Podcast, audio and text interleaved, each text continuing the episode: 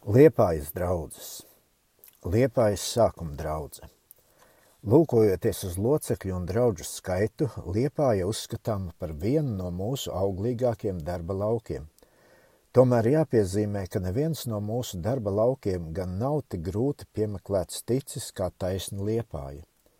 Daudz lielu vētru nācies pārciest šejienes draudzes kuģītim, tomēr slava debesu tēvam, kas to pasargājis no grimšanas un to vēl tagad uztur virs ūdens, ka tas spēja atkal noteikti un neatlaidīgi turpināt savu reizi uzsākto ceļu.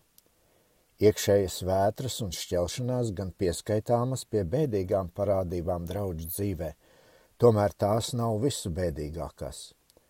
Dažreiz draudze ilgi, mierīgi gaitu ejot, var nonākt tādā sastinguma stāvoklī, kur tāpat vētrām vairs nav pieejama, un tad viņai vairs nav palīdzams, bet vētras vēl ar vienu uzskatāmas kā dzīvības zīmes. Ieskatoties mūsu draugu vēsturē, redzam, ka gandrīz ik viena draudzene piedzīvojusi savas gaitas sākumā iekšējo vētru laiku, kas iestājies līdz ar ārējo spaidu un nebrīvību izbeigšanos. Bet šī parādība nav nedabīga. Kamēr mūsu draudzītes sākumā cīnījās pret ārējiem spaidiem, Tās nevarēja piegriezt vērību savai iekšējai dzīvei, bet, kad šī cīņa beidzās, sākās draudzes iekšējās dzīves izkopšana. Bet šis lauks bija mūsu pirmiem brāļiem gluži svešs, jo tiem bija pilnīgi ņemta katra iespējamība noskatīties kādas kārtīgas draudzes iekšējā gaitā.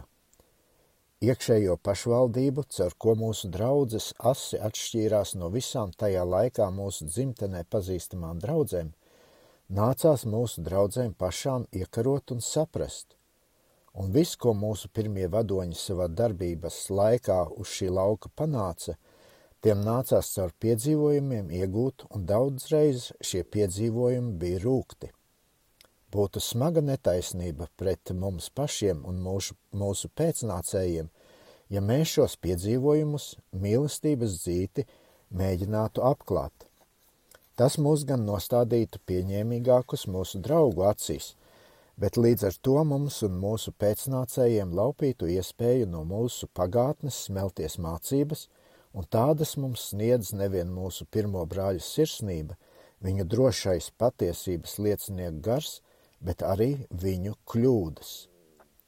Pirmās latviešu draudzes Liepājā būs notikušas drīz pēc pirmām kristībām Latvijā – kad daudzi no zirās un užavā dzīvojošiem locekļiem nāca uz liepāju, lai kopā ar turienes vācu brāļiem baudītu vakariņu. Bet šīs sapulces bija tikai atgadījumu sapulces. Pirmās pastāvīgās latviešu sapulces liepājās sākās drīz jau pēc aprakstītām kristībām 1863. gada janvārī pilsētas tūmā jo starp jaunkristītiem bija arī vairāki, kas dzīvoja pašā pilsētā, cer ko arī radās vajadzība pēc sapulcēm pilsētā. Pirmos gadus vācu brāļi savu sapulces telpu buciņu namā uz Ludviķa ielas draudzīgi dalīja ar latviešu brāļiem. Kad latviešu pulciņš pieauga un tam minētās telpas tapa par šaurām, tas 1864. gadā pārcēlās uz Klumpa nāmu pie sienu tirgus, netālu no tagadējā Pāvila draudzes lūkšanas nama. Šeit ticīgo pulciņu sākumā laikā apkopas katrs sludinātājs Dinkše, bet pēdējam nebija iespējams ik svētdienas liepā ierasties, ko tas darīja tikai tad, kad bija vakariņš jādala, jeb draudzes darīšanas jānokārto. Pārējās svētdienas liepainiekiem ar evaņģēlijas sludināšanu kalpojam Bērziņš, Valns jaun, Valts Jaunģēlušs un Danelis. No sienu tirgus sapulces vietu pārcēla uz Kumerova namu pie Zēģerplača, blakus tagadējam biržas namam. Tur sapulces vieta atradās kādā otrā stāva istabā. Kad šī pārcelšanās notikusi, nav skaidri noteicams. Tikai 1870. gadā Še pulcējās draudzīte, kurai jau bija pilnīga draudzes iekārta un kas atradās Dinkšas, Dinkša pārziņā. Šajā vietā, pulcējoties, draudze piedzīvoja pirmos vētras grūdienus, kuriem tā šoreiz izgāja cauri veselu. 1870. gadā draudze dabūja pastāvīgu strādnieku jaunekļa Mār Mārtiņa Rīsa personā, kurš vēlākos gados, sevišķi savu mūža otrā pusē, bija pazīstams kā nepiekusis darbinieks mūsu latviešu baptistu druvā. Dzīvodams Dunaukas pagastā aizputes apriņķī, viņš tur caur ģertnera darbību bija tapis ticīgs un kristīts. Pirms kristības Rīs bija turējies pie Liepājas brāļu draudzes, un vēl tur būdams bija iesācis kalpot kā evaņģēlīja pasludinātājs. Pēc kristības tas jau dedzīgi pieķērās šim darbam – To novērojusi Liepājas draudze saziņā ar mēmeli uzaicināja Rīsu sev par sludinātāju. Par draudzes iekšējo lietu kārtotāju un vakariņa dalītāju vēl ar vien palika katrs sludinātājs Dinkše. Draudze drīz vien iemīlēja savu jauno sludinātāju, un tam pēc viena gada ilgas darbības uzticēja arī draudzes stundas vadīt, bet gan Dinkša pāraudzībā. Pēc pusotra gada mierīgas darbības Dingšim ar Rīsu kādā atzīšanas jautājumā izcēlās doma starpība, kas uz kādu laiku pāršķīra pašu draudzi, kā arī izplet, izplētās uz liepājas apkārtnē atrodošamies draudzītēm. Nesaprašanas ar Dingši jau sākusies tadaiķu noturētā konferencē, kad pēdējā notikusi nav skaidri noteicams – 1870. gada beigās vai arī nākošā gada sākumā.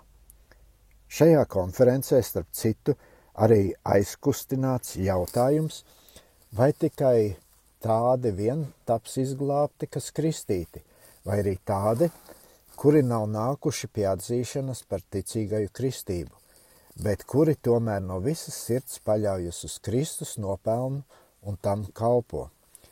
Pēdējās domas aizstāvēja tikai Rīsas ģertners, kas bija vienādos uzskatos ar Rīsu, nebija konferencē ieradies. Visi pārējie sūtņi bijuši Rīsa uzskatiem asi pretī. Kāds no sludinātājiem pat sacījis, ka visi tie, kas nav baptistu draudzē, ir no Vella un Elles. Tam piebalsojuši daudzi no klātesošiem brāļiem. Cik noprotams, tad vienošanās šajā jautājumā nav panākta un sabraukušie brāļi šķīrušies, palikdami katrs pie sava. 1871. gada oktobrī Dinkšē ar vēl citiem viņam padotu staciju priekšniekiem ieradās Liepājas draudzē un cēla tai priekšā, ka tadaiķu konferencē sapulcējušies brāļi nākuši pie pārliecības, ka Liepājas draudzes sludinātājs Rīs ir noklīdis no īstā dievvvārda pamata – un piegriezies pie hernhūtiešu atzīšanas, kur neatzīst kristības vajadzību. Dingšim līdzatnākušie brāļi Grīģis un Jēkabs Inķis un Brikmanis apstiprināja Dingšas izsacītos vārdus. Rīs izskaidroja draudzēji, ka viņš turas pie atzīšanas, ka katram cilvēkam, kas grib tapt kristīts, ir vajadzīgs iepriekš tapt caur Kristus asinīm šķīstītam un iemantot grēku piedošanu. Uz to kāds no Dinkšas biedriem atbildēja, ka tikai tad var pilnīgi samantot grēku piedošanu un tapt šķīstīts Kristus asinīm, kad top kristīts, un viņam bail, ka rīs kristību par mazvērtīgu nu, turēdams, to draudzi nenogriež no svētā evaņģēlījuma pamata. Draudze gan izteicās, ka no rīsa nav dzirdējusi mācību, kura kristību nostādītu par mazvērtīgu. Draudzes stundā Vienību nepanāca.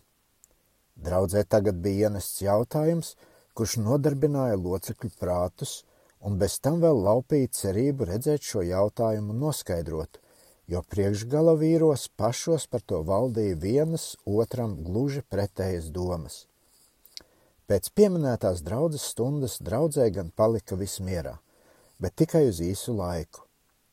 Drīz pēc tam draudzēji tapa zināms kāds nekorekts solis Rīsa personīgajā dzīvē, un tas no jauna sakustināja draudzes prātus. Caur vēstuli Dinkša pavēstīja Rīsa lietu mēmeles draudzei un prasīja, lai pēdējā Rīsu no draudzes izslēdzot, bet mēmeles draudze Lietu izmeklējusi atrada, ka sūdzībai pret rīsu dziļāks iemesls nekā uzdotais, un uzdeva savai stacijai, liepājas draudzei, savu sludinātāju lietā izdarīt trīskārtīgu nobalsošanu. Pirmkārt, cik to, kas grib visu aizmirst un vēlas, ka rīs savu darbību draudzē turpinātu. Otrakārt, cik to, kas grib, lai rīs no visas atklātās darbības atturās. Un treškārt, cik locekļi tajās domās, ka rīss no draudzes izslēdzams. Pirmais priekšlikums atrada visvairāk piekrišanas - 62 balsis, un pēdējais vismazāk - 18 balsis. Šāds iznākums nebija paprātam draudzes vecajam priekšniekam. Tas 13. februārī ieradās Liepājā un izskaidroja draudzei, ka jau konferencē tadaiķos nospriests rīsu bez kavēšanās izslēgt kā arī visus tos, kas ar viņu ciešas. Un ja arī draudzē, vietējā draudzē rīsam piedod, tad tomēr Dingša ar visiem viņam padoto staciju locekļiem, kuri kopīgi iztaisot 1100 dvēseļu, rīsu izslēdz. Šāda uzstāšanās nepalika bez iespaida. No draudzes atstājās ap 20 locekļu, noīrēja sev īpašu telpu sapulcēm, un pārtrauca visus sakarus ar draudzes pārējo daļu. Šī šķelšanās neaprobežojās vien uz liepājas draudzi, bet izplatījās uz visām liepājas apkārtnē atrodošamies draudzēm, kuras stāvēja Dinkša un brāļu, brāļu Iņķu pārziņā. Pēdējie arī rūpējas par liepājā ar šķirušos locekļu apkopšanu. Liepājas draudzes šķelšanās drīz vien tapa zinām mātes draudzē Mēmelē. Viņas spriedums zīmējoties uz rīsu bija, ka tam no evaņģēlijas sludināšanas jāatkāpjas, neskatoties uz to, ka draudzes lielākā daļa vēlas, lai tas savu darbu netraucētu turpinātu. Rīs šim rīkojumam padevās, un liepājas draudze sev par sludinātāju rīsa vietā izvēlējās Tomu Betheri, un par darīšanu kārtotāju – un vakariņu dalītāju eglīti no zirām. Bet atdalījušos locekļus šis solis neapmierināja. Tie turpināja pulcēties saurup. Tā tas gāja līdz 1872. gada rudenim, kamēr Prūsijas draugu sabiedrība uz Liepāja atsūtīja divus sludinātājus - Vīleri no Rēcas un uh, Baumgartenu no Rozitenes. Mēģināt abas draudzes daļas salīdzināt. Kad minētie brāļi ieradās Liepājā, tur arī ieradās, ieradās Dinkša līdz ar viņam padoto draugu priekšniekiem. Notikās vairākas garas sarunas, kuru iznākums bija, ka abas dalītās puses sapratās un līdz ar to visas nesaprašanās Tā Liepājā, kā arī apkārtējās draudzēs izzuda, un atdalījusies locekļu daļa Liepājā pievienojas pārējai draudzes daļai tā, ka uz priekšu bija atkal tikai viena draudze. Bethers un Eglīts kalpoja draudzei līdz 1873. gada martam. Tad Liepājas draudze lūdza mēmeli Rīsam atkal atvēlēt sludināt, uz ko arī mācas draudze iegāja – un atvēlēja Rīsam nevien kalpot kā sludinātājam, bet tam arī uzticēja kārtot draudzes darīšanas. Rīsam no jauna iestājoties aktīvā draudzes darbībā, sapulces telpas drīz vien izrādījās par šaurām un nācās apskatīties pēc citām. Pieņēmīgas telpas sapulcēm bija ļoti grūti atrast, jo tolaik tikai žīdu saimnieku baptistu sapulces savos namos uzņēmuši. Kristīgajie – savas telpas šādam nolūkam lieguši.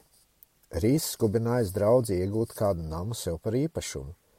Šāds uzmudinājums arī atradis draudzes vidū dzīvu atbalsts, ticis solīts un dots priekš draudzes nama iegūšanas. Drīz arī atrada draudzes vajadzībām piemērotu namu Jaunliepajā, katoļu kapu tūmā. Tā kā mūsu draudzēm tos laikus vēl nebija tiesības iegūt nekustāmos īpašumus uz savu vārda, tad nams tika pirkts uz rīsa vārda. Pie nama pirkšanas Stipri piepalīdzēja mēmēls draudze, sevišķi tās priekšnieks Nīmets, izgādādams liepainiekiem 400 rubļus kā aizdevumu bez procentiem, nomaksājamu desmit gados. Pirmo reizi draudze pulcējās pati savās telpās 22. aprīlī 1873. gadā. Tā paša gada augustā Rīsas liepājas draudzes sūtīts un vairāku ārzemes brāļu skubināts aizceļoja uz Hamburgu, lai piedalītos tur noturētos bībeles kursos. Šajos kursos no Baltijas vēl ņēma dalību Rumbergs no Rīgas draudzes un Julius Hermans, vēlāk sludinātājs Rīgas vācu draudzē. Rīsa prombūšanas laikā draudzēji Ar evaņģēlijas sludināšanu kalpoja Bethers, bet draudz darīšanu nokārtošanai tapa uz liepāju aicināti Ģertners un Eglīts. Par īsa prombūšanas laiku liepājas apkārtnes draudzītes skatri, rucavu, šķēdi, grobiņu un vēl citas aizņēma smags sitiens. Viņu nenogurstošo apkopēju Jēkabu Dingši piepeši pārsteidz nāve. 14. aprīlī 1874. gadā, braucot mājās no Gramzdas, kur tas pat laban bija tur dzīvojošiem brāļiem sludinājis evaņģēliju un dalījis vakariņu, Dingša lecis no ejoša vilciena un tik nelaimīgi, ka ticis no tās sabraukts. Dingša toreiz dzīvojas grobiņas apkārtnē, un viņa mājas atradušās dzelzceļa līnijas tūmā, bet diezgan attālu no stacijas. Lai saīsinātu sev ceļu uz mājām, Dinkša bieži vien mēdzis noliekt no vilciena jau tad, kad tas atradās viņa mājām vistuvāk, bet kā viņam kaut kāda nelaime būtu, bez kā viņam kaut kāda nelaime būtu gadījusies. Nākošā gada rudenī Rīs pārnācis no Hamburgas, atkal uzņēmās draudzes vadību. Draudzē iestājās dzīves darbības laiks – Draudzes locekļi ar prieku ķērās pie sava nama pārtaisīšanas, lai to jo labāk ierīkotu sapulces vajadzībām, jo agrāk šis nams bija kalpojis kā dzīvojama ēka. Tikai tika iekārtotas arī sapulces nedēļas vakariem un noturētas sagatavošanās stundas svētdienas skolotājiem. Bez tam vēl draudzēja kā stacijas pieslēdzās skatras un rucavas un šķēdes draudzītes. Arī sapulces eh, būs tikušas labi apmeklētas, jo pēc pusotra gada darbības 1875. gada beigās draudze atrod savas telpas par šaurām un sāk domāt par gruntsgabala pirkšanu jauna lūkšanas nama būvei. Nākošā gadā draudze tādu nopērk. Tanī pašā 1876. gada pavasarī Draudzītei bija tas gods uzņemt savās telpās mūsu pirmo bībeles kursu, jeb kā to, to toreiz sauca misionas skolu. Bet Liepājas draudzē nebija lemts turpināt savu apsākto darbību. Pašā sparīgā darbā vidū to ķēra negaidīts un smags sitiens, kur rēta vēl tagad redzama, lai gan vāc jau sen kā aizdzījusi. Tanī pašā ziemā Kad draudze gatavojās iegūt gruntsgabalu lūkšanas nama būvei, draudzes locekļu vidū izplatījās baumas par kādu neapdomātu soli sludinātāju personiskā dzīvē. Gadījums no četri gadi atpakaļ. Draudze izvēlēja komiteju, kurai minētā lieta bija jāizmeklē un tad jāceļ draudzē priekšā. Tas notikās, un draudzes kopīgā vēlēšanās bija, ka viss taptu aizmirsts lai dieva darbs netraucēti varētu tapt turpināts. Tomēr tā tas neizdevās. Kad 1876. gada pavasarī ieradās Liepājā Mēbeles draudzes priekšnieks Gilcaus, lai vadītu jau pieminēto misijas skolu, tam tapa zināmā Rīsa izbeigtā lieta. Misijas skola nobeidzas, Gilcaus 21. martā 1876. gadā vadīja Liepājā draudzes stundu, kurā tas pastāstīja, ka, lūk, viņa nolūks uz Liepāju braucot arī bijis šeit nodibināt pastāvīgi no mēbeles neatkarīgu draudzi. Jautājums par pastāvīgi no mēbeles neatkarīgu draudžu dibināšanu kurzemē bija jau gadu iepriekš no kurzemes strādniekiem aizkustināts ticis, un mēmeles draudze uz to savu atļauju jau bija devusi. Tagad Gilcaus izskaidroja, ka viņš savu nodomu izvest nevarot, jo Rīs turpmāk vairs nevarot būt par draudzes vadoni. Draudze Gilcavam stāvēja pretī, tāpēc, ka tā Rīsa lietu izmeklējusi un izbeigusi, bet tas nelīdzēja. Stundas vadonis palika pie sava. Tomēr beidzot uz draudzes lūgumu, lai tai taču neatņem viņas priekšnieku, Gilcaus pielaidās Rīsa lietu nodot mēmeles draudzes izšķiršanai, lai gan liepainieku vēlība bija, ka Rīsa lieta taptu no ārzemes brāļiem liepajā izmeklēta. Līdz mēmeles spriedumam Rīsas atturējās no ikvienas atklātas darbības draudzē. Pēc divi nedēļām Liepājas draudzes lieta nāca mēmelē uz dienas kārtību, un draudzes lēmums bija, ka Rīs no draudzes izslēdzams. Nesaprašanās starp Liepājas un mēmeles draudzi drīz vien tapa zināma Vācijas draudžu sabiedrības bundes priekšgala vīriem. Iegadījās, ka tai pašā svētdienā, kad Liepājas draudzē pavēstīja mēbeles spriedumu, tai arī lasīja priekšā bundes priekšnieka Onkena vēstuli, rakstītu draudzēji, kurā tas uzslavē draudzes veselo prātu, ka tā nav savu sludinātāju no amata atstādinājusi un dod tai padomu gadījumā, ja mēmeles draudze rīsu izslēgtu vai atstādinātu no amata, tādam lēmumam pretoties un par mēmeles draudzes rīcību žēloties Prūsijas draudžu sabiedrības priekšniecībai. Kad draudzē paziņoja mēmeles spriedumu, Tā nolēma to neatzīt, un tajā pašā stundā nosprieda par mātes draudzes rīcību žēloties Prūsijas sabiedrības priekšniekam Villeram, un mēmelē paziņot, ka viņas lēmums Rīsa lietā Liepājā neto pieņemts. Vīlers drīz vien draudzēji atbildēja, ka gribot viņas lietu pēc iespējas ātrāk uz priekšu virzīt, un arī no savas puses uzslavēja Liepājas brāļus un māsu, vienprātība un mīlestība, ar kādu tie pie sava priekšnieka turas. Lai draudzes atklātā uzstāšanās pret savu mātes draugu netaptu uzlūkota par dumpošanos, bet par tādu, kam savs tiesisks pamats, Liepājas draudzes 6. jūnijā sūtīja mēmeles draudzē izskaidrojumu, ka tās sevi uzlūko par pastāvīgu, un uz priekšu visas savas darīšanas kārtos pati un uzskata mēmeles draudzes spriedumu liepājas lietā par iejaukšanos citas draudzes iekšējās darīšanās, kādēļ tam arī nepadodas.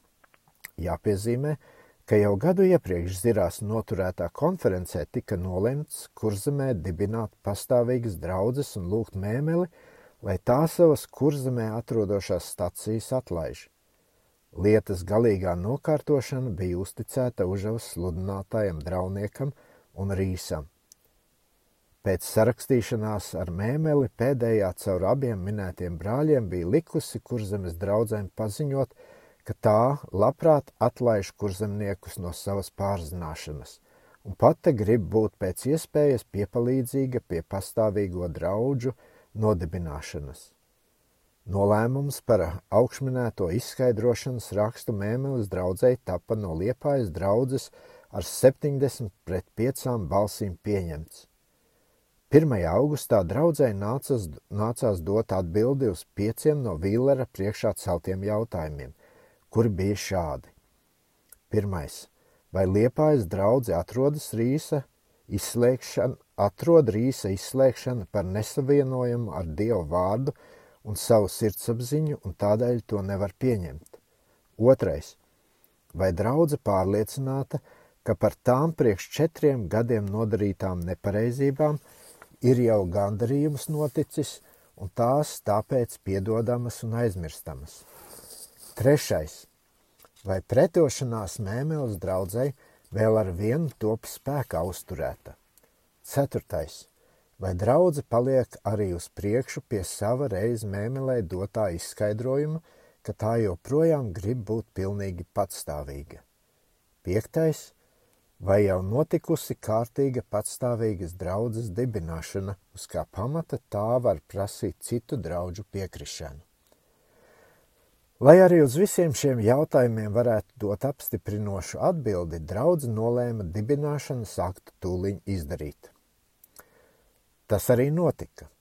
Draudze ar balsošanu pierādīja, ka tā pieņem par savus ticības un dzīvošanas pamatu bībeli un to no visām Vācijas draudzēm atzīto ticības apliecināšanu un par savu priekšnieku atzīst Mārtiņu Rīsu. Līdz ar to liepājas draudze bija sevi izskaidrojusi par patstāvīgu un no mēmeles neatkarīgu. Visi šie draudzēji priekšā celtie jautājumi tapa klātesošiem ar 70 pret 5 balsīm pieņemti. Kā pēdējās balsošanas rādīja, tad starp locekļiem bija arī tādi, kas šādā stāvokļa ieņemšanai pret mēmeli nepiekrita, nojusdami, ka caur to var jukas izcelties. Pēdējie pēc notikušās draudzes dibināšanas atdalījās un pulcējās uz dievvvārdiem Saulīša namā uz Valūjeva ielas. Sākumā viņu skaits bija diezgan niecīgs, bet pēc noturētās konferences veldā tas pieauga līdz 40 locekļiem. Tā izcēlās atkal divas draudzes Liepājā. Tā paša gada 4. un 5. oktobrī Liepājas lieta nāca uz dienas kārtību Veldā noturētā konferencē.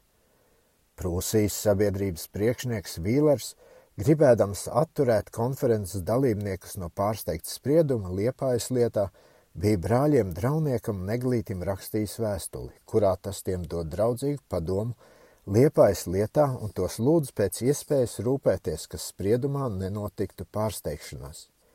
Šīs vēstules saturs ir sevišķi tād, tādēļ svarīgs, ka tajā atrodam izteiktus, jo skaidrus jēdzienus par mūsu konferenču sprieduma nozīmi attiecībā pret atsevišķām draudzēm. Jau pagājuši 25 gadi, kuros kalpojot evaņģēlīja darbā, gandrīz gadus esmu apmeklējis mūsu konferences un ar tām labi iepazinies. Konferencei nav nekādas tiesības radīt likumus priekš atsevišķām draudzēm. Tā drīkst tikai padomus dot. Par visām lietām konferencei nav nekāda spēka par kādu draudzi, bet jeb tās locekļiem. Ja par liepāju taptu kas spriest, tad sirsnīgi jūs lūgtu, neuzkraujieties kā konference sev vainu savā spriedumā par tālu ejot, jo tas var izdoties, par postu priekš visām, visas kurzemes. Pēc Dieva vārda un mūsu paržām jūs nevarat nekā cita darīt, kā tikai padomu dot, un protat šādu, un protat šādu, lai abas draudzes daļas izredz brāļus, vislabākais iz Vācijas, kuri Liepājā vēlreiz lietu izmeklē un to nokārto.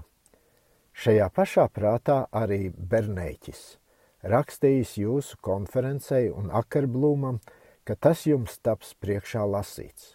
Un cerams, ka arī Kučevskis jums šajā lietā piekritīs un palīdzēs. Es droši ceru, ka jūs manu uzticīgā mīlestībā doto padomu pieņemsiet un visiem spēkiem pūlēsieties, lai arī citi konferences sūtņi tāpat dara. Ja kāda konference iedrīkstas tādu lietu, kas tai nepieder, tā posta gandrīz visas draudzes, un tad kurzemes nākamība ir ļoti tumša. Vēlu jums daudz gudrības un bagātīgu Dieva svētību, kuru es jums līdzu izlūkties no žēlīgā kungu kunga. Jūsu vīlers. Konferences vadonis bija Gilcevs. Liepais lieta izsaukusi dzīves pārunas. Cik no protokoļa redzams, tad Berneiķe vēstule konferencei gan nolasīta, bet nav paspējusi pavirzīt konferences spriedumu uz kāroto pusi. Kučevskim, kurš liepājā, liepājas lietā gribēja uzstāties Prūsijas sabiedrības vārdā, no priekšsēdētāja tas tapa liekts un tam atgādināts konferencē izturēties kā ceļojošam sludinātājam. Tika arī iebilsts, ka Mēmeles draudzē nav tiesības liepājas draudzē izdarīt izslēgšanu, kur visa vietējā draudze tam pretī. Priekšsēdētājs uz to atbildēja, ka liepā ir Mēmeles stacija un tāpēc Mēmeles draudze gan tādu lietu varot darīt, citai draudzē piekrišanas neprasot. Vēl kāds no sūtņiem iebildis, ka Vīlers apsolījies rūpēties, ka liepainieku lieta vēlreiz taptu izmeklēta. Uz to priekšsēdētājs atbildējis, ka mēmenes draudze ir īsureiz izslēgusi un to par tādu arī paturēs. Konferences spriedums Liepājas lietā bija Rīs un viņa draudzes locekļi uzskatāmi par izslēgtiem, ja tie mēne, divu mēnešu laikā Rīsu neizslēdz. Draudzēji paziņojas konferences spriedumu, Rīs draudzi uzaicināja labi apdomāties, pirms nobalso šo lēmumu neatzīt, jo ar šādu spriedumu jārēķinās. Tam nepadodoties, draudzēji nāksies vienā un otrā lietā, ko paciest. Uz sludinātāja algas pabalstu no bundes kases vairs cerēt nevarēs. Arī maz cerības, ka draudzēji labvēlīgie sludinātāji Vācijā liepājas lietā vairs ko spēs darīt. Pēc vairāk nekā mēneša apdomāšanas laika notika balsošana, un draudze vienbalsīgi izsacījās pret konferences spriedumu. Tad pašā reizā arī nolemts lūgt Mēmeles draudzi lai tā atvēl sastādīt kādu iz četriem vācu brāļiem sastāvošu šķīrēju tiesu, kurā viena puse būtu no mēmeles draudzes izvēlēta un otra no liepājas draudzes, un kura vēlreiz ņemtu visu lietu savā izmeklēšanā. Mēmeles, mēmele lūgumu liekas būs atraidījusi, jo par šādas komitejas darbību nekas nav zināms. Kad konferences noteiktais termiņš bija apkārt, uz Liepāju atbrauca Ventspils sludinātais Neibuks, lai uzaicinātu draudzi padoties konferences lēmumam, bet draudze Neibuka apmeklējumu atraidīja. Šāds uzaicinājums no konferences puses tapa arī izdarīts Rucavas šķēdes un skatras draudzēs. Visās šajās pieminētās stacijās daļa locekļu nostājušies par konferences lēmumu un daļa pret to. Šajā priekšliepājas draudzes un tās priekšnieka grūtajā brīdī pēdējais griezies pēc padomas starp citiem arī pie Prūsijas sabiedrības priekšniecības locekļa Stetitenes sludinātāja Lībiga, sava agrākā skolotāja, un pēdējais pēc ilgas pārdomāšanas rīsam rakstījis šādi. Pēc tam, kad Gilcaus savu apņemšanos valdes konferencē izvedis cauri, Jums un jūsu draudzēji stāv vēl trīs ceļi atvērti, kurus es jums gribu drusciņi apgaismot. Pirmais ceļš ir pilnīgi padoties mēmeles lēmumiem, sevi par patstāvīgu draudzi vairs neuzskatīt. Jūsu izslēgšana par pareizu atzīt un lūgt no mēmeles draudzes piedošana par uzsliešanos pret viņu lēmumiem. Šis ceļš būtu priekš mēmeles draudzes tas visu patīkamākais. Ar to iestātos miers, un pēc tam, kad visi dumpinieki būs tādā vīzē pārmācīti, draudze gan atradīs gadījienu, kā tiem piedot. Bet ja jūs paši atkal reiz gribēsiet par draudzes locekli tapt, tad gan grūti paredzams, kad tas varēs notikt. Jums gan būs saprotams, ka jūsu tagadējie locekļi arī uz priekšu taps nicinoši uzskatītu no jūsu tagadējiem pretiniekiem. Daudz prieka un svētības gan no šī pirmkārt minētā ceļa neizaugs. Un, lai gan es pats ļoti priekš miera esmu, tomēr šo ceļu jums ieteikt nevaru. Bet, ja jūs un jūsu draudzes apziņa to atļauj, tad staigājiet šo ceļu. Otrs ceļš ir par visiem spriedumiem nemaz nelikties zinis, un šim brīžam pašiem priekš sevis vien dzīvot – un uz savu roku kopt Dievu valstības darbu. Tas mēmelē un jūsu pretiniekiem būtu ļoti nepatīkams gabals, un berzēšanās jūsu starpā šim brīžam vēl nemitētos. Bet šis ceļš prasa daudz, un ja es spētu paredzēt, ka jums un jūsu draudzē šī daudz ir, tad kas uz mani attiecas, es tikai šo ceļu jums ieteiktu. Bet, lai pa šo ceļu ar sekmēm varētu staigāt, tad pār it visām lietām vairāk dieva svētība vajadzīga. Un šī jums būs, ja draudze un jūsu visus spēkus pieliksiet, lai sevi varētu Dievu priekšā nostādīt svētus un nevainojamus. Jums vajadzētu ieturēt stingru draudzes kārtību, un jūs nedrīkstētu savas draudzes rindās pildīt ar tādu locekļu uzņemšanu, kuri no jūsu pretiniekiem dēļ atklātiem grēkiem ir izslēgti. Jums vajadzētu visiem spēkiem misioni piekopt, droši liecināt par pestītāju un pabalstīt viņa vārda vēstnešus. Jo vairāk tas kungs jums dvēseli dāvinās, jo vieglāk nāksies draudzēs sludinātāju uzturēt. Skaidra mācība un šķīsta dzīve, spirkts patiesības liecinieka gars un mierīga darbība par godu pestītājam un par glābšanu pazudušai pasaulē.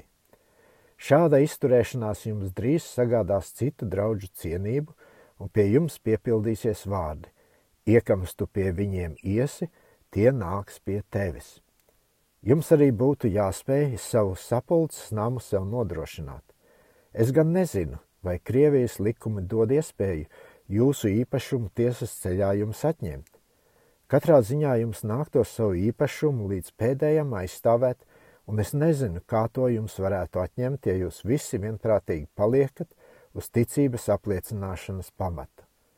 Tālāk jums arī jātur daudz pacietības un izturības. Var ļoti būt, ka jūsu draudze arī vēl nākošā gadā netiks sabiedrībā uzņemta, lai gan jūs pēc tā lūgtu. Un varbūt, ka tas gadu vēlāk arī vēl nenotiks, jo Gilcaus tam stipri pretosies, un gan arī sev atradīs biedrus. Bet tas nedrīkstētu jums dušu laupīt. Tālāk ļoti var būt, ka kaimiņu draudzes pret jums ar nicināšanu izturēsies vienīgais tā iemesla, ka jūs pie bundas nepiedariet. Nu, lai gan tas ļoti jauki un vē, vēlējami ar visām draudzēm justies savienotam caur ciešu ārējo saiti, tad tomēr jums jāievēro, ka jūsu svētapšana nav nekādā ziņā atkarīga no jūsu piedarības pie bundes. Un kas šodien nav, tas var pēc dažiem gadiem notikt, pēc tam, kad brūces aizrētējušas un visiem skaidri redzams, ka jūs mācībā un dzīvē ar citām draudzēm esat vienoti un ka jums ir dzīvošanas spēja. Uzlūkojiet taču Altonas draudzi Hamburgā – Šī draudze jau eksistē piecus gadus un vēl šodien neatrodas bundē. Un, lai gan bijušas daudz cīņas un daudzreiz pieprasīts uzskatīt šo draugu par izslēgtu, tomēr draudzene eksistē vēl šodien, un cerams, ka tā pie viena galda taps uzņemta sabiedrībā pēc diviem gadiem, un pēc diviem gadiem bundē. Un ja arī vēl tad viņa netaptu uzņemta, tā tomēr mierīgi dzīvos tālāk un nenogurstoši piekops misioni, uz ko tā arī jūtas aicināta. Ja liepā ir tāda pat, tāda pat dzīvības spēja, kāpēc lai tā nedarītu tāpat? Stāvēt ārpus bundes un tomēr mācībā un dzīvē būt ar pārējām savienībā. Nav kauns, lai gan jūsu pretinieki to par tādu uzskatītu. Jums vajadzētu gadus lūgt pēc uzņemšanas sabiedrībā, līdzīgi uzbāzīgam ubagam, kas neļaujas noraidīties. Un ik reizes, kad jūs to pat noraidīti, jūs reizā ar Altonu varat sacīt labi. Ja mūsu vēl bundē negrib, tad mēs gribam pacietīgi gaidīt, līdz kamēr mūsu stunda sitīs. Bez tam jums arī jāgādā, ka jums uz konferencēm būtu draugi – kas jūsu lietu kustina un galā izdabūna cauri, ka jūsu draudze top atzīta. Tikai jums nav jāizbīstas no asiem atraidījumiem, ar kādiem jūsu lieta taptu konferencē saņemta. Daudzreiz ārēji apstākļi spiež izturēties augsti un cieti, pie kam sirds gluži ko citu jūt, un tā arī ir tagad pie daudziem brāļiem attiecībā pret jums. Tikai nezaudēt dušu, izturību un nodošanos Kristum. Kamēr jūs no šīm lietām neatlaidīsieties, nebūs vēl nekas pazaudēts, un es tīri gribu apgalvot, ka nepaies ne četri gadi, un jūs būsiet mantojuši vispārīgu atzīšanu. Tikai jums jāieliek visus spēkus Kristus kalpībā. Pie šī otrā ceļa es uzkavējos visilgāk, jo kas uz mani attiecas, šis man vislabāk patīk es tomēr arī aizskaršu trešo ceļu, un tas būtu šāds. Liepājas draudzēji jāatzīst mēmeles spriedums attiecībā uz jums, un jūs no draudzes jāatlaiž. Jūs tad nedrīkstētu sludināt nec dalība ņemt pie vakariņa, nec pie draudzes stundām. Līdz ar to mēmele būtu saņēmusi gandarījumu, lai nāktos savu sūdzību pret liepāju ņemt atpakaļ. Bet šajā gadījumā liepājai arī uz priekšu būtu jāpaliek pie patstāvīgas, patstāvīgu draudzi, par kādu tā sevi reiz izskaidrojusi. Jūsu pretinieki gan negribēs no jums dibināto draudzi atzīt par pareizu, bet svētajos rakstos nekur nav teikts, ka kāda draudze tikai tad par īstu uzlūkojama, kad kādas citas draudzes vecais to dibinājis. Neļaujieties maldināties lietās, kas attiecas uz draudzes dibināšanu. Kamēr draudze tiek apkopta un vadīta uz svēto rakstu pamata draudzes amatos ieceltiem vīriem, turas pie pareizās draudzes kārtības un neizlaiž no acīm misioni, tikmēr neviens nevar tās pareizību apšaubīt. Gadījumā, ja jūsu draudzē ietu šo ceļu, tai nāktos lielu upuru nest. Jūs no draudzes atlaižot un caur balsošanu pierādot, ka tā jūsu atstādināšanu atzīst par pareizu.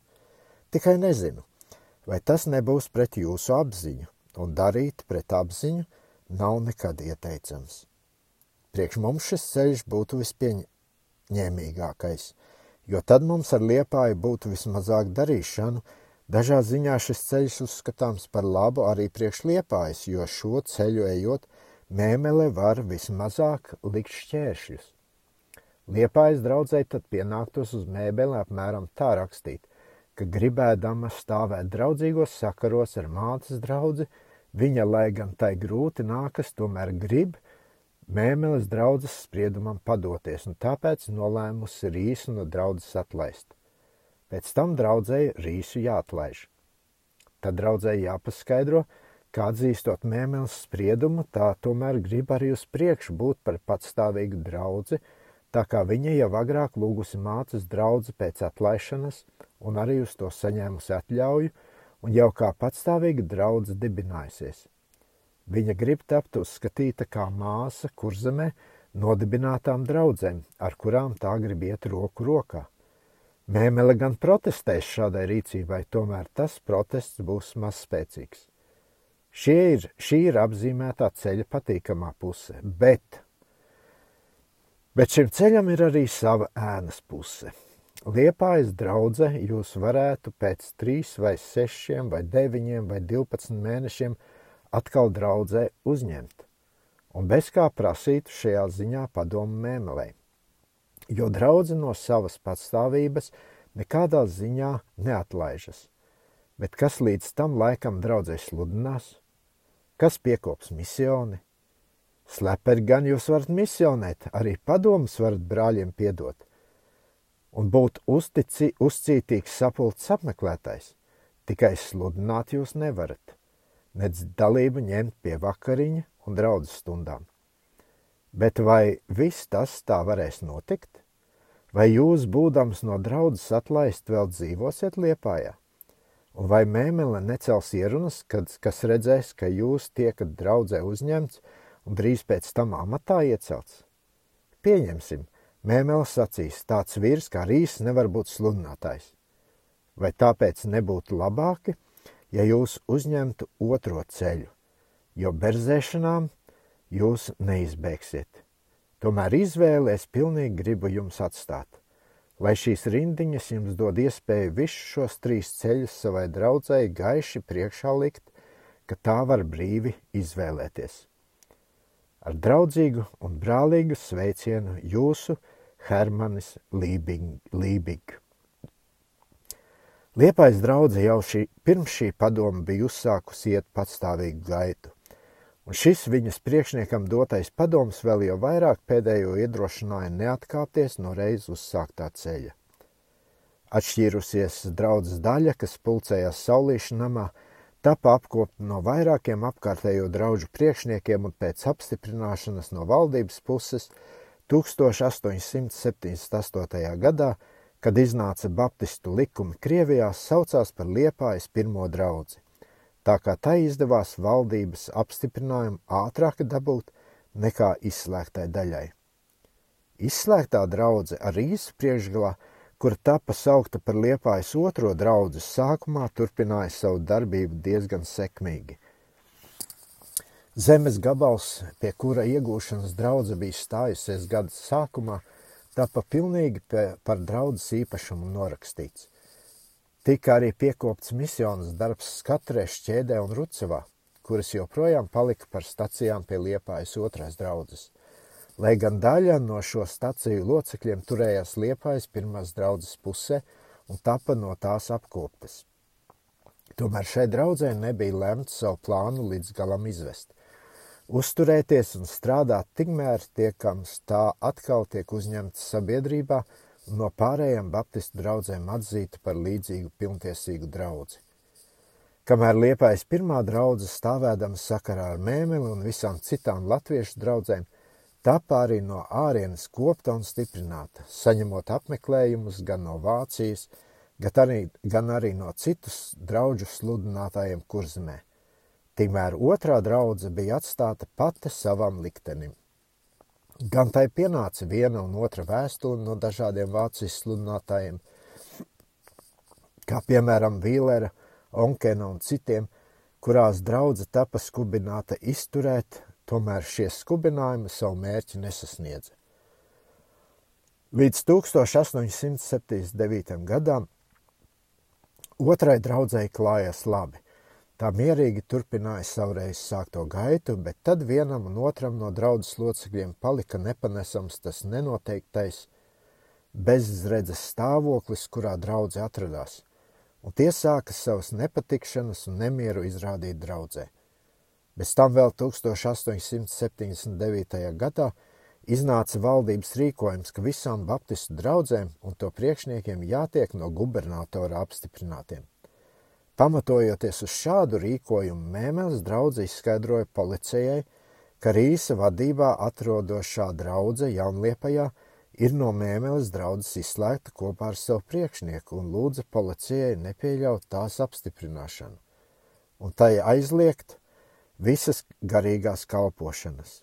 Policija arī to darīja, bet, kad Rīsa tai pierādīja, ka draudzes vadīšana tam uzticēta no pašas draudzes, Policija ņēma savu aizliegumu atpakaļ, bet ne uz ilgu laiku. 1880.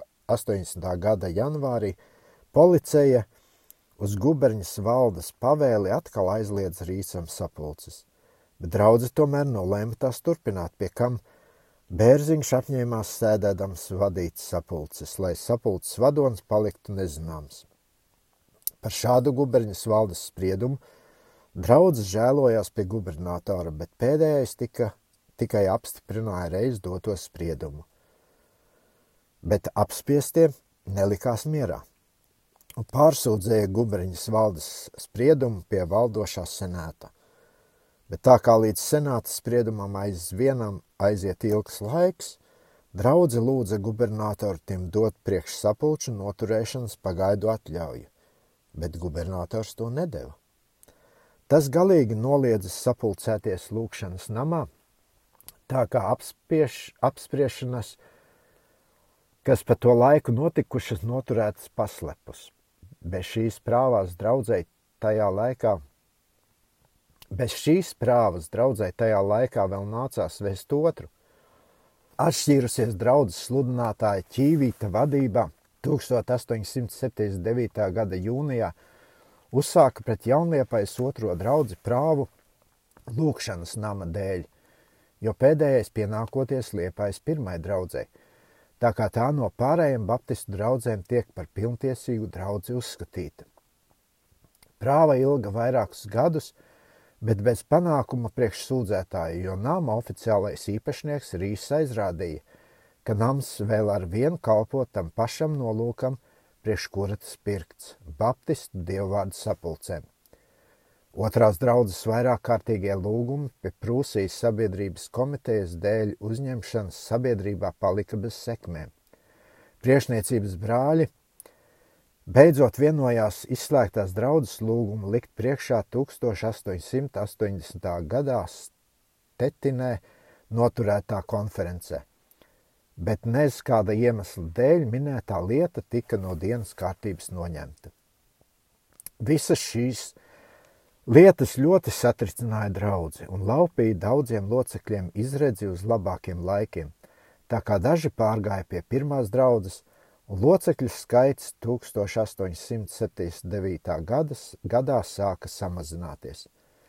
Pēdējos gados pārdzīvotās vētras un grūtības arī ķēra draudzes vadītāja veselību, un tas nejūtās vairs spējīgs draudzes tālāk kopt, un tas arī bija grūti iespējams, jo lūkšanas nams stāvēja aizzieģelēts. 1880. 80. gada jūlijā Rīs no draudzes atvadījās un pēc pāris mēnešiem pārcēlās uz dzīvi Ventspilī, kur tas nodarbojās kā grāmatu tirgonis. Vēl pēdējās nedēļas pirms Rīsa aiziešanas draudze mēģināja vienoties ar Liepājas pirmo draudzi, kuru pat laban vadīja Ķīvits. Abu draudžu vadoņi bija jau vienojušies. Pēdējā svētdienā pirms savienošanās otrā draudze lūgus Rīsu ar tiem vēl beidzamo reizi kopīgi svētīt tā kunga mielastu, un pēdējais bijis ar mieru to darīt. Draudze sapulcējusies kāda sava locekļa pajumtā, bet svinīgā sapulce vēl nebija sākusies, kad sapulcējušies pārsteidza policeja un tos izklīdināja, pie kam vienam no brāļiem piespriests 35 rubļu liels naudas sots. Radās aizdomas par pir pret pirmo draudzi, kādēļ izlīkšana nav varējusi notikt. Arī vēlāk notikuši vairāki izlīkšanas mēģinājumi, bet bez sekmēm. Izslēgtie gribējuši, lai tos uzņem visus reizē kā draudzi, tomēr pirmā draudze uz to neiegāja, bet prasīja, ka katram loceklim par sevi jātop uzņemtam. Pēc rīsa aiziešanas draudze palika brāļu Markovska un Bērziņa pārziņā. Pirmā draudze pa to laiku attīstīja diezgan sekmīgu darbu, darbību. Rīs redzēdams, ka minētā draudze tagad tapusi par Dievu valstības izplatītāju Liepājā un apkārtnē, 1882. gada sākumā atbrauca uz Liepāju un brīvprātīgi atdevos savu vārdu norakstīto lūkšanas namu saviem citkārtējiem pretiniekiem. 1886. gadā iznāca ilgi gaidītais senāta ukas, attiecoties uz Liepājas otrās draudzes sapulcēm. Šis izskaidrojums atcēla guberņas valdes spriedumu un atvēlēja draudzē netraucēti pulcēties savās īpašajās telpās. Bet tā kā lūkšanas nams jau bija atdots, tad draudze lika sevi apstiprināt kādā sava locekļa allaža namā. Līdz 1888. gadam draudze kopās pati un meklēja sludinātāju. Kādu tā arī beidzot atrada bijušā Rīgas Āgenskalna draudzes sludinātāja Rumberga personā. Rīs dabūja zināt, ka viņa citkārtējā draudze taisās Rumbergu aicināt par sludinātāju, tai deva padomu to nedarīt, bet labāk ir audzīt izlīgt ar pirmo draudzi. Tika arī spērti daži soļi uz izlīgšanu, bet vienošanās netikta, netika panākta. Un 1890. gadā Rumbergs uzņēmās minētās draudzes vadīšanu. No šī laika sākot Liepājas otrā draudze ar vienu ir stāvējusi nesaskaņā ar pārējām Liepājas draudzēm un ar vien centusies savu skaitu papildināt no pārējo draudžu izslēgtiem locekļiem. 1898. gadā Rīgā noturētā konferencē šī draudze gan tika uzņemta sabiedrībā, kad viņas priekšnieks bija izlīdzinājies ar Rīgas draudzi, bet arī pēc tam neiestājās nekādā labākas saskaņas starp Liepājas otro draudzi un pārējām draudzēm. Un 1910. gada konferencē Rīgā minētā draudze līdz ar savu priekšnieku Rumbergu atkal tika no sabiedrības vidus atstādināta un kā tāda vēl tagad stāvu.